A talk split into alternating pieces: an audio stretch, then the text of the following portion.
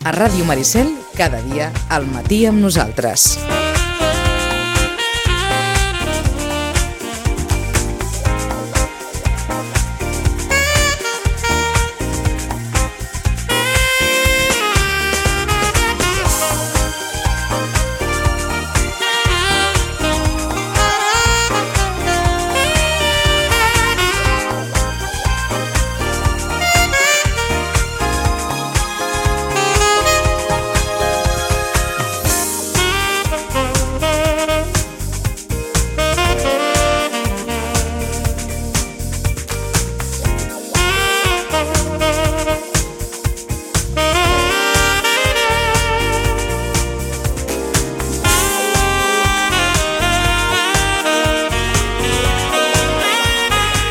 Deu i 26 minuts, en uns moments esperem parlar d'una qüestió que ens sembla prou interessant a partir d'un article que es va publicar a La Vanguardia el passat eh, 26 d'abril. Aquest article, intitulat Europa estudia la regeneració de la costa sense construir espigons, i esperem poder-ne parlar amb Vicenç Gràcia, professor del Departament d'Enginyeria Civil i Ambiental de l'UPC i membre del Laboratori d'Enginyeria Marítima i del Centre Internacional d'Investigació dels Recursos Costaners. Professor Gràcia, bon dia i bona hora. Molt bon dia. No sé si hi ha, i ens sembla que aquesta seria una bona primera pregunta, mal que sigui per atemperar la impaciència de molts i moltes, no hi ha una solució fàcil i ràpida. Exacte, no n'hi ha. No n'hi ha. I el que, no n'hi ha. I el que veiem és que la costa és un... Cada cas és diferent. I les solucions són molt particulars. I això és el que fem, intentar provar solucions particulars. Aleshores, si ens fem l'efecte que jo sóc regidor o alcalde i li dic al professor, escolti'm, eh, cada vegada tinc les platges més menudes, més primes, em reclamen que faci alguna cosa immediata, ho hem pogut veure en moltes informacions d'aquests darrers dies en diferents parts del litoral, des de les vies del tren al Maresme fins a Altafulla, amb aquest restaurant a primera línia de la costa. La qüestió de portar sorra continua sent l'única estratègia possible a curt termini? A curt termini, sí, perquè si... Ara caldria definir què vol dir curt termini, però... Eh, Diguem-ne que per, per, per apaivagar els ànims de la temporada. Eh, exacte. Si és per la temporada d'aquest any, no hi ha més. No hi ha eh, més. El, tenim un sistema costaner absolutament deficitari amb sorra. Absolutament. Està absolutament desequilibrat. I el que ens estem adonant és que tenim temporals que ens transformen el litoral diferent al que voldríem. I és quan de cop i volta necessitem actuar. Doncs aquest tipus d'acció-reacció, el que sabem és que no funcionen. Què ha passat perquè la nostra franja costanera, i entenem que no som els únics al món, sigui ara tan deficitària en sorra? Doncs no, no som els únics. Potser si som un cas, eh, no els únics, però important en el grau d'ocupació del, del litoral. Però el que ha passat és que hem, eh, diguem, regulat els cabals dels rius, per tant, el sediment que porten ja no és el mateix, la capacitat de transportar sediment dels rius és molt petita, hem regulat o hem rigiditzat les conques d'on els sediments venen a les rieres i les hem canalitzat, és a dir, que quan on porten aquestes, riuades, aquestes gotes, antigues gotes fredes, porten sediment, però porten molt lluny i no contribueix a la costa i hem posat un seguit de barreres i infraestructures que són necessàries per al nostre desenvolupament econòmic, els ports, però que eh, realment interrompen el que és el flux natural. I, a més a més, no oblidem que a determinats llocs hem literalment assecat i envaït la franja litoral. Doncs el resultat és que la natura és persistent. Evidentment, amb tots aquests condicionants, cap dels quals entenc, professor, que es poden revertir d'un dia per altre? D'un dia per altre, no. No, perquè, és clar, ni... El, difícil. Ni, eh, si no és portant sorra. Ni eliminarem els ports, ni, ni enderrocarem bueno, totes aquelles construccions. Eh, aquí ja això és diferent. Uh -huh. De fet, la feina del gestor de costes és molt complexa, perquè ha de prioritzar i decidir en un sistema que és absolutament deficitari i on tenim, gestiona la misèria, moltes vegades diem, perquè el recurs arena és molt limitat les arenes cada vegada seran més difícils de trobar i el que hem d'anar és a altres, a altres polítiques. Aleshores, aquesta imatge molt d'una època determinada del turisme, que és la imatge de les platges àmplies, plenes de gent, que van formar part, diguem-ne, del nostre reclam turístic durant, durant molts anys, aquesta imatge ha passat a la història? Doncs com la teníem, sí. Com la teníem, sí. Sí, ho hem d'assumir. Eh, si no... De fet, les costes que tenim d'arena a Catalunya s'intervenen des de fa molts anys. Si no hi intervinguéssim i no les gestionéssim i féssim moviments, aportacions, no les tindríem com ara les critiquem, que estan Sí, molt sí, malament, sí. Però encara estaria molt pitjor. O sigui que tot allò que va començar, diguem, a mitjans dels 60s i que ha format part d'un desenvolupament turístic que ha envaït molt la costa, és, diguem-ne, quelcom del qual ara en patim les conseqüències. És una part del problema. És una sí. part del problema. Sí, sí. Ocupar a les Maresmes, ocupar la franja litoral, doncs ha donat una reducció de l'espai que necessita el mar i la costa per poder funcionar i evolucionar. És que ja precisament, intenta. eh, eh, precisament en aquest article de La Vanguardia que comentàvem, que, que fa referència a tota la feina que estan desenvolupant vostès, hi ha una frase que ens sembla molt, molt definitòria, que diu literalment que la sorra està sota els passejos marítims. Aquella, diguem Sí. no sé si dir sorra original o, o la sorra està veritablement allà No, amagada. sí, sí, sí, sí, és així. és, està eh, sota és que els vam passejos, construir davant eh, i a sobre. Eh, I clar, doncs, eh, bàsicament l'evolució que té eh, la franja costanera és necessita espai. Jo moltes vegades dic que ningú se li acut fer un edifici molt gran davant de la llera d'un riu, perquè sap i percep que aquest riu es desborda i l'aigua pot entrar al meu edifici. I tothom ja té molt assumit que les, els marges dels rius no s'han d'ocupar perquè aquest és l'espai natural que té el riu per, diguem que, apaivagar les seves avingudes. Doncs això no és així i encara costa d'entendre el litoral. I el litoral necessita una franja on puguem acomodar aquests canvis que esdevenen de forma natural, O, a part dels problemes. o, o sigui, professor, perquè ens entenguem, allò que durant tants anys s'havia fet valer i, i amb argumentari molt potent que eh, l'ésser humà havia aconseguit guanyar terreny al mar i diguem-ne que mantenir-lo més o menys controlat, i Sitges n'és un dels casos, perquè evidentment el nostre passeig marítim va guanyar terreny, terreny al mar, i durant molts anys, diguem-ne que, no sé si dir, que el mar s'havia conformat amb aquesta ocupació nostra i no ens havia portat massa problemes. Però al cap i a la fi eh, eh, el que estem observant és que aquell, no sé si dir, aquella convicció que teníem d'haver aconseguit quelcom eh, ara es comença a desmuntar perquè el mar torna a allò que nosaltres li havíem pres? Eh, Sí, sí, però no només nosaltres. Eh? Altres països que en depenen més que nosaltres, com per exemple Holanda, doncs ja han decidit que algunes parts dels seus territoris possiblement el que hauran de fer és acomodar-se a aquests canvis més que defensar-se com una estratègia que inicialment és el que tu expliques. Eh, eh, és a dir, ara ho exagero, però des del punt de vista de, del coneixement, eh, nosaltres ens, en algun moment potser ens hauríem de plantejar que, que el nostre passeig marítim pot estar, pot estar en perill? Aquesta, eh, el passeig marí, si no s'actua, segur. Si no s'actua, segur. Eh, no serà aquest any, no serà aquest temporal, però si mirem en perspectiva aquesta entrevista, doncs en un temps... Eh, tots desitgem que sigui llunyà, Sí, però sí. això no ho sabem. Eh, segurament direm, oh, doncs sí, és veritat, el passeig de marítim estava en compromís. Però o, és que feina. us ho preguntem perquè el tombant del segle XX era l'any 2000, fa, fa 20 anys o 20 i pocs, eh, Sitges va viure un temporal molt potent, un temporal de llevant, que se'n va endur una part del parterre del nostre passeig marítim que va ser inaugurat l'any 26. El passeig marítim farà, farà 100 anys d'aquí poc.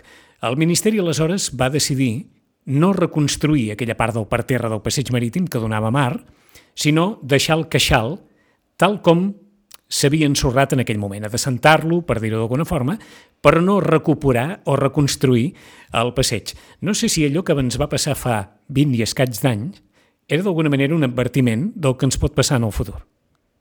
Segurament sí. Mirar-ho en perspectiva, eh, han passat molts temporals. Sí. Crec recordar que el que tu dius deu ser el del novembre del 2001, Sí, senyor. Sí, senyor. Que va ser el gran temporal que després n'ha hagut d'altres eh, que l'han superat. Eh, el darrer és el Glòria.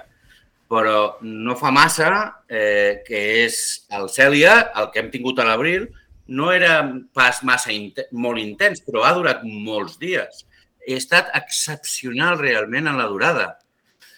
Pensa que en un futur, eh, si els pronòstics eh, es confirmen, el nivell del mar pujarà i això vol dir sí o sí que tot allò que tenim actualment es veurà afectat d'alguna o altra manera. I el passeig marítim de Sitges és un clar. D'acord. Aleshores, amb aquesta evidència, que, que crec, i, i el professor encara ens ho sabrà dir millor, és una evidència acceptada unànimament per la comunitat científica, què s'hi pot fer? Perquè segurament aquí és on hi ha el veritable problema, que, que un tècnic ens dirà una cosa, una altra... que a problemes nous, solucions noves, noves. o a problemes que no s'han resolt, solucions noves. Doncs aquest és el projecte Rest Coast, per exemple, que és el que eh, actualment eh, estem liderant, o el projecte Ecoplans, que també estem liderant, on el que es busquen són solucions o estratègies de gestió que no siguin les clàssiques, que ja hem vist que no han funcionat a llarg termini. I què podem fer diferent? Doncs, home, podem gestionar el sediment en capçalera dels rius diferent, podem fer alimentacions artificials, és a dir, aportar arena diferent, podem eh, combinar accions, i això és el projecte Rescous i això també és el projecte Ecoplans, eh, gest, aprendre com respon la natura per intentar reproduir-la o afavorir processos que eh, guardin o que es dissipin aquesta energia que ens està arribant i que no volem i provar, i provar, i provar, i provar, perquè el, el llibre de les solucions permanents no el té ningú. Teniu una certa sensació que ens ha arribat tot això molt, molt de cop? Dic perquè ara segurament els científics els estem demanant que amb rapidesa ens puguin, ens puguin donar una solució a passejos que s'estan fent malbé, a platges que s'estan fent petites. És possible, és, és possible, possible que sigui una percepció. Les percepcions entra dins el món de la sociologia i ah. això és molt complex. Eh, I jo no en sóc en absolut expert. Però sí és veritat que nosaltres com a societat tenim una percepció eh, o alguna part de la societat una percepció falsa del que és la Mediterrània i l'entenem com un mar tranquil, amigable, que no és el mar que a l'Escola de Camins, que és on pertanyo jo, eh, eh, gestionem.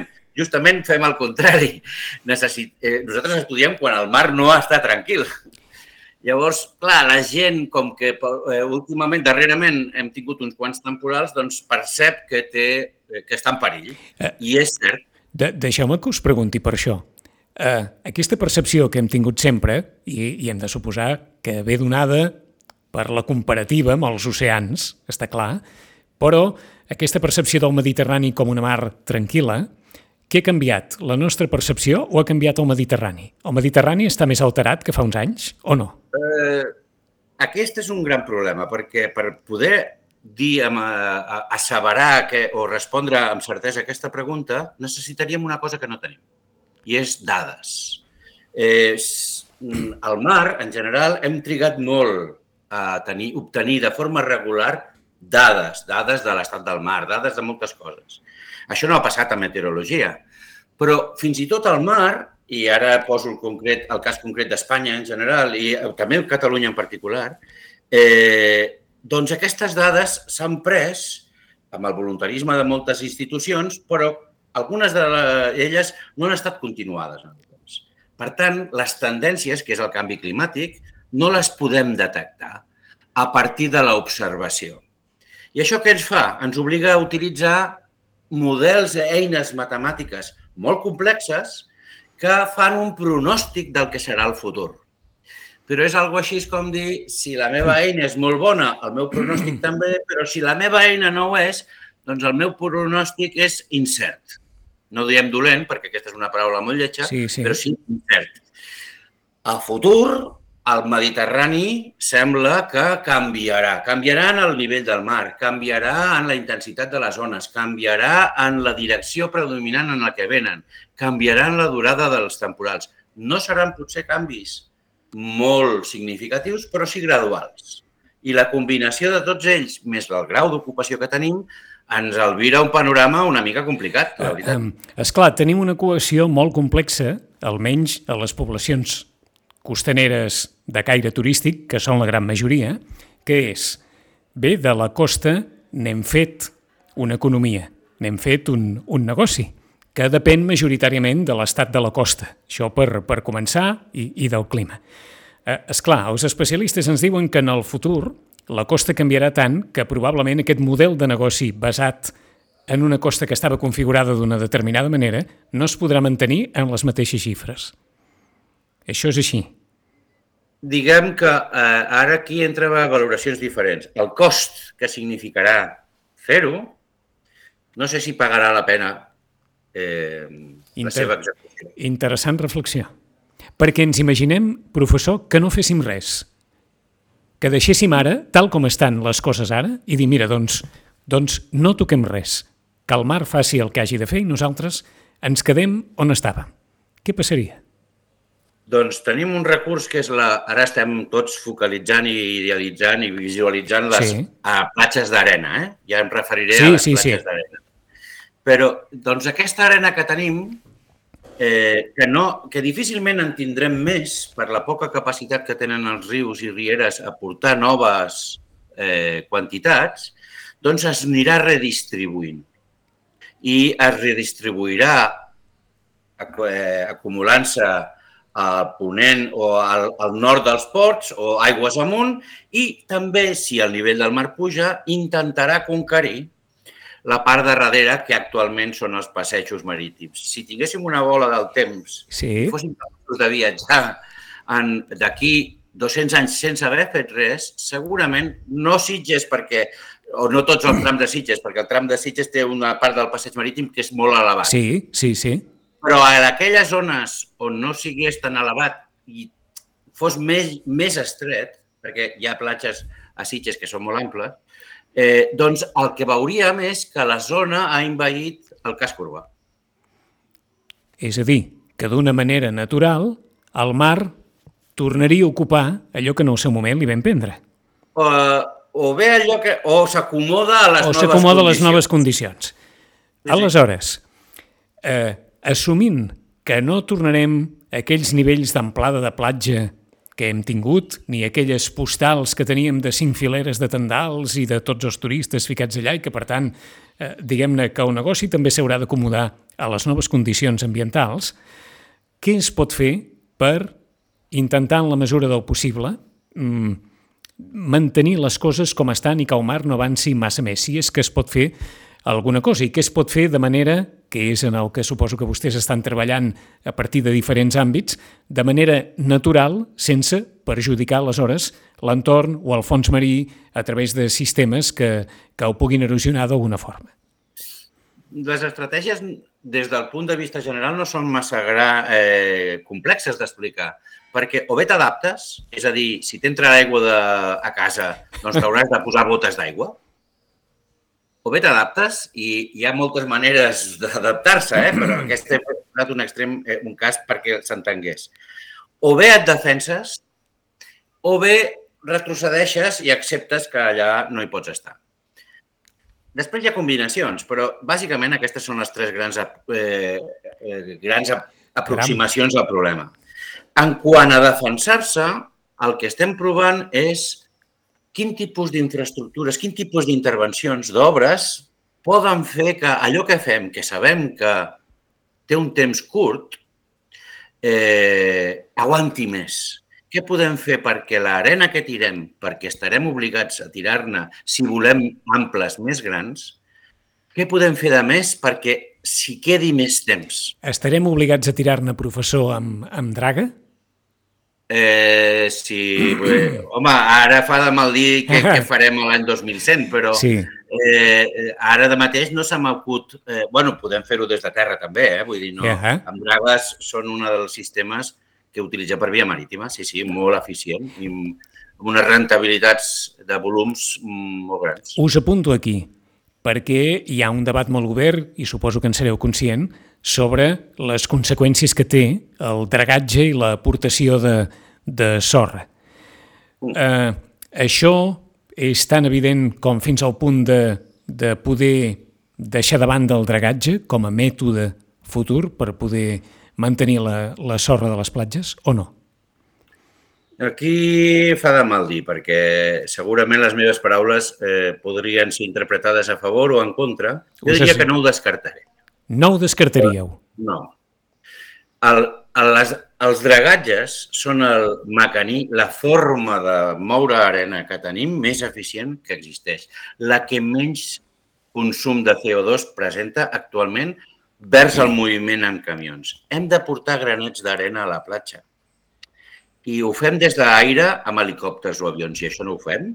O ho fem des de mar i utilitzem dragues que mouen amb relativament poc consum, que és molt alt, eh? Sí. Eh, eh, molts milions, molts metres cúbics d'arena, o bé fem des de terra, i des de terra de moment ho fem amb cinta i amb camions. I això sabem que és molt costós. Us apunto aquí, professor, també. Tots aquells que diuen obertament i amb estudis a la mà que la draga és un sistema que fa malbé i molt el fons marí. És així? Eh, la draga, eh, home, jo no sóc biòleg i per tant, eh, però sí és cert que quan una draga succiona el material del fons, succiona tot. Si hi ha un peix, succiona un peix. Si hi ha una planta, succiona una planta. És veritat que el dragador no vol succionar peixos, mm. ni vol succionar plantes. Bàsicament, a part de les seves pròpies conviccions, perquè no li paguen. Li paguen moure arena. I sap que si ho fa i troba fanerògames, plantes superiors, la posidònia, etc, tindrà molts problemes a les seves bombes de succió. I, per tant, a priori, sempre hi ha mm, conductors bons i dolents, metges ja, ja, bons ja. i dolents. Eh, però a priori home, un ha de pensar que tothom és conscient d'allò que fa. Ens imaginem, per tant, que la draga, ens imaginem, eh, en el sentit d'agafar les paraules de, del professor, que la draga pot continuar sent un bon sistema, suposo que en mesura, en prudència, amb tots els condicionants del món, i a partir d'aquí, l'estudi deixa molt clar, i, i hi ha una frase també que ens ha cridat molt l'atenció, que després de 2.000 anys que l'home llença pedres al mar, per defensar-se, potser ha arribat a un moment en què eh, la qüestió dels espigons i de les pedres ha de passar també a la història i trobar altres sistemes que no siguin aquests? Sí. Eh, diguem que l'home va tirar pedres perquè era la cosa més fàcil que se li va ocórrer i que controlava a curt termini eh, el, el seu, o donava solució als seus problemes o a les seves necessitats, però hem de fer altres coses sí, sí. Fer espigons, dics exempts, dics submergits o escolleres en general no poden ser ja l'única estratègia. Quines això, al... D'això va Rest Coast ah i d'això va Ecoplans. Quines altres coses, professor? Doncs, per exemple, eh, si fem alimentacions artificials, quin tipus de sistemes donars hem de recrear? Per exemple, provar altres materials que no siguin eh, escolleres, que siguin potser més efímers, és a dir, per exemple, sacs de geotèxtils o fibres de coco o recuperació d'ambients litorals o replantació de la posidònia com un mecanisme que no resoldrà el problema, però sí ens afavorirà o ens dirà a favor i Ara ens sorgeix una necessitat, és com tot, doncs, davant dels problemes, virtuts. Doncs és veritat, tenim molts problemes, però cada vegada sembla més clar que molta de la recerca que hem de fer ara no només ha d'anar enfocades a, a saber quan dissipen aquestes praderes que literalment han desaparegut per culpa nostra, al nostre litoral mediterrani, sinó com, les hem de, com ho hem de fer per replantar-les. Eh, són nous reptes que ens surten per tal de dir hem de recuperar la natura que teníem i aquesta ha de ser l'estratègia. No pas substituir un gra de sorra que té una mida molt petita per una pedra que la té molt més gran. Aleshores, entenc, a partir del que ens heu comentat fins ara, que una probable solució seria la combinació de un dragatge fet amb les millors condicions possibles i un sistema, diguem-ne, natural que permeti que aquesta sorra que s'ha incorporat a la platja no se'n vagi a la primera de canvi. Exacte. Més la necessitat d'espai. Això no pot ser entès com si jo tinc una platja de 5 metres d'ample, faré aquestes coses màgiques ja. i eh, tindré una platja de, 500, de 50 metres d'ample. Doncs no, necessitem espai, necessitem també replantejar-nos què podem deixar al mar per reubicar eh, infraestructures. I ara no és el cas de Sitges, però eh, eh, estic pensant pues, a la línia del tren del Maresme doncs, o la carretera. Infraestructures que són més mòbils, una, una infraestructura urbana és molt més complexa, però no tot el litoral eh, eh, és així. Doncs, eh, i quan un mira el litoral no només mira sí, sí, sí, sí. és el lloc on anem a posar la tovallola, però eh, hi ha altres parts que també formen part del conjunt. Les visions que anomenem holístiques, que és des del punt de vista més general, més global, és, són les que són més encertades. Aleshores, eh, afegiríem aquí que no es tracta d'incorporar sobre les platges per tenir unes platges molt grans, sinó Exacte. per mantenir les platges mínimament tal com estan? Exacte. És així. Recircular l'arena, utilitzar-la de manera que nosaltres vulguem, acomodar-la eh, i fer altres polítiques de capçalera de rius, de capçalera de rieres... I de... ser cada cop més conscient que tot allò que tenim a primera línia de mar, en els casos que puguem, si ho podem enretirar i si podem deixar més aire més Exacte. distància perquè el mar respiri, Exacte. això també. Això és, és fantàstic, és l'aproximació. Aleshores, com es pot, si és que es pot, a part de que ho haguem d'assumir, mantenir l'equilibri entre l'activitat turística i per tots aquells que diguin, home, les platges, està clar, són finites, ens hauríem de plantejar en algun moment que les platges tenen una capacitat, com té capacitat un camp de futbol o, o té capacitat la platea d'un cinema. Eh, les platges també haurien de tenir aforament perquè una excessiva activitat a la platja eh, pot perjudicar? Aquí entrem en un altre eh, vessant del sistema en el que eh, nosaltres no ho mirem. És veritat això, eh, s'ha de limitar l'aforament a les platges, hi ha platges en què nosaltres ho tenim molt clar.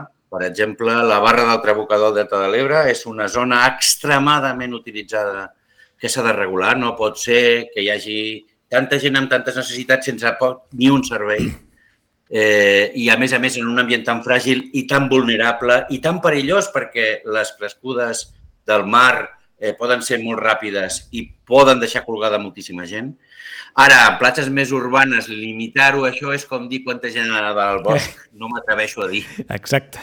Però sí que és evident, suposo, pels especialistes, que una quantitat de gent molt important sempre afecta més que una quantitat de gent mesurada quan es va pel món.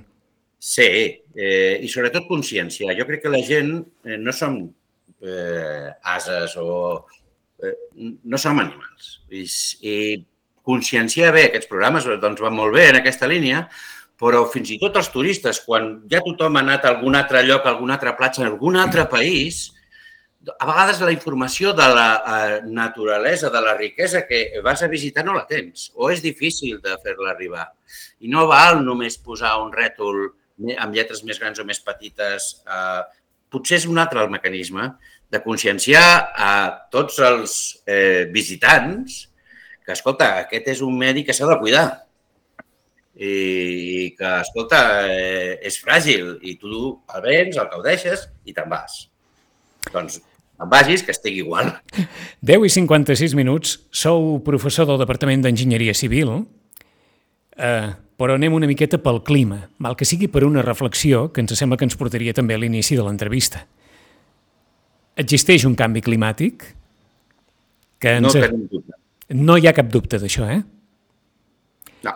I això, mm, és clar, no sé si dir, no, si ens fa petits, com sempre, davant la naturalesa, i si d'alguna manera aquí hi ha quelcom que no podrem mai no sé si dir si mesurar o no podem mai assegurar que és els efectes que el clima pugui tenir sobre tot això que estem plantejant ara aquí i que ens ho pugui estripar tot i, i que aquest castell que, que estem construint ara a partir de noves metodologies, en un moment donat se'n pugui anar a Norris perquè el clima hagi pogut canviar molt. Home, no hem de tenir una postura tampoc derrotista i pessimista. Hem de ser optimistes. Som intel·ligents com a societat. Per tant, hem de trobar solucions a aquests problemes que ens hem generat. I eh, de segur que ho farem. El que necessitem és estar conscienciats, saber-ho i fer totes aquelles polítiques que resolguin el problema. I serà més llarg termini del que pensàvem? Doncs no ho sabem, però segurament sí, però que s'han de fer. I que en trobarem, estic convençudíssim. Aleshores, pregunta final. Us parlem des d'un municipi que té un ajuntament, més amunt hi ha una diputació, més amunt hi ha una generalitat, més amunt hi ha un govern de l'Estat i més amunt hi ha una Unió Europea. Quin paper han de tenir les institucions? Perquè, evidentment, el que també hem assumit molt des de, des de l'àmbit local és que un poble, un ajuntament, poca cosa hi pot fer davant la regressió de la costa, entre altres coses, perquè és un sistema molt més complex que va molt més enllà del terme municipal. Quin paper han de tenir la, les institucions, els governs, el, els àmbits més generals a l'hora de propiciar polítiques que permetin la implantació de sistemes com el que comenteu i no que pugui ser un ajuntament que digui escolta'm, apostem per aquí o volem fer allò. Eh, hi ha d'haver una, una, suposo que una certa, un cert criteri general des d'aquest punt de vista, no? Aquest també és una de les aproximacions del projecte Rest Coast, de dir, les solucions no només són tècniques, sinó que han de venir també de la part organitzativa com a societat. Dins del projecte, el que promovem són, traduït amb el traducció, les taules de consens. És a dir, llocs on no hi hagi una única veu que digui el que s'ha de fer, sinó on s'exposin les possibles solucions, les possibles necessitats, hi hagi un intercanvi d'opinions, idees, qualsevol cosa, i a partir d'allà es defineixin estratègies i solucions que puguin intentar resoldre aquells problemes. No és un cap pensant qui donarà la solució de tots els mals.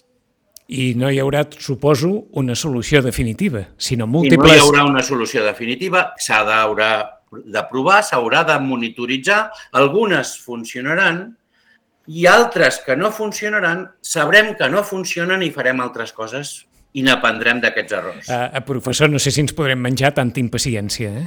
com tenim per una solució i que ens vingui un, esclar, un professional i digui... Sí, és una pena, perquè la gent el que vol és demanar a la platja i trobar-la en un estat òptim. Calmeu-vos que si l'any que ve hi ha eleccions i d'aquí quatre anys hi ha eleccions... Ah, bueno, això és una altra història. Eh, això no ho resoldreu l'any que ve ni d'aquí quatre... No. Eh, això, no, quan, par no. eh, quan parlem de llarg termini, de què estem parlant? D'una dècada, de dues dècades? Pues una, dues, tres dècades, sí, sí. Estem Així, parlant eh? de dècades. Estem parlant de dècades, Estem parlant de dècades. Els nostres horitzons són l'any 2100, 2030, ai, perdó, 2130. 30. Aquesta, sí. aquesta és la forquilla, per tant és una forquilla, diguem-ne, que poc adequada en aquesta època compulsiva que vivim, Sí, la... sí, no és, això no és una solució del clic de l'ordinador. El temps de la natura que no és el temps de, de l'ésser no, humà. Eh? De... N'hem parlat de tot plegat amb el professor Vicenç Gràcia, que és professor del Departament d'Enginyeria Civil i Ambiental de l'UPC i membre del Laboratori d'Enginyeria Marítima i del Centre Internacional d'Investigació dels Recursos Costaners. Professor, moltíssimes gràcies per les vostres paraules. A vosaltres, bon dia. Gràcies, adeu-siau.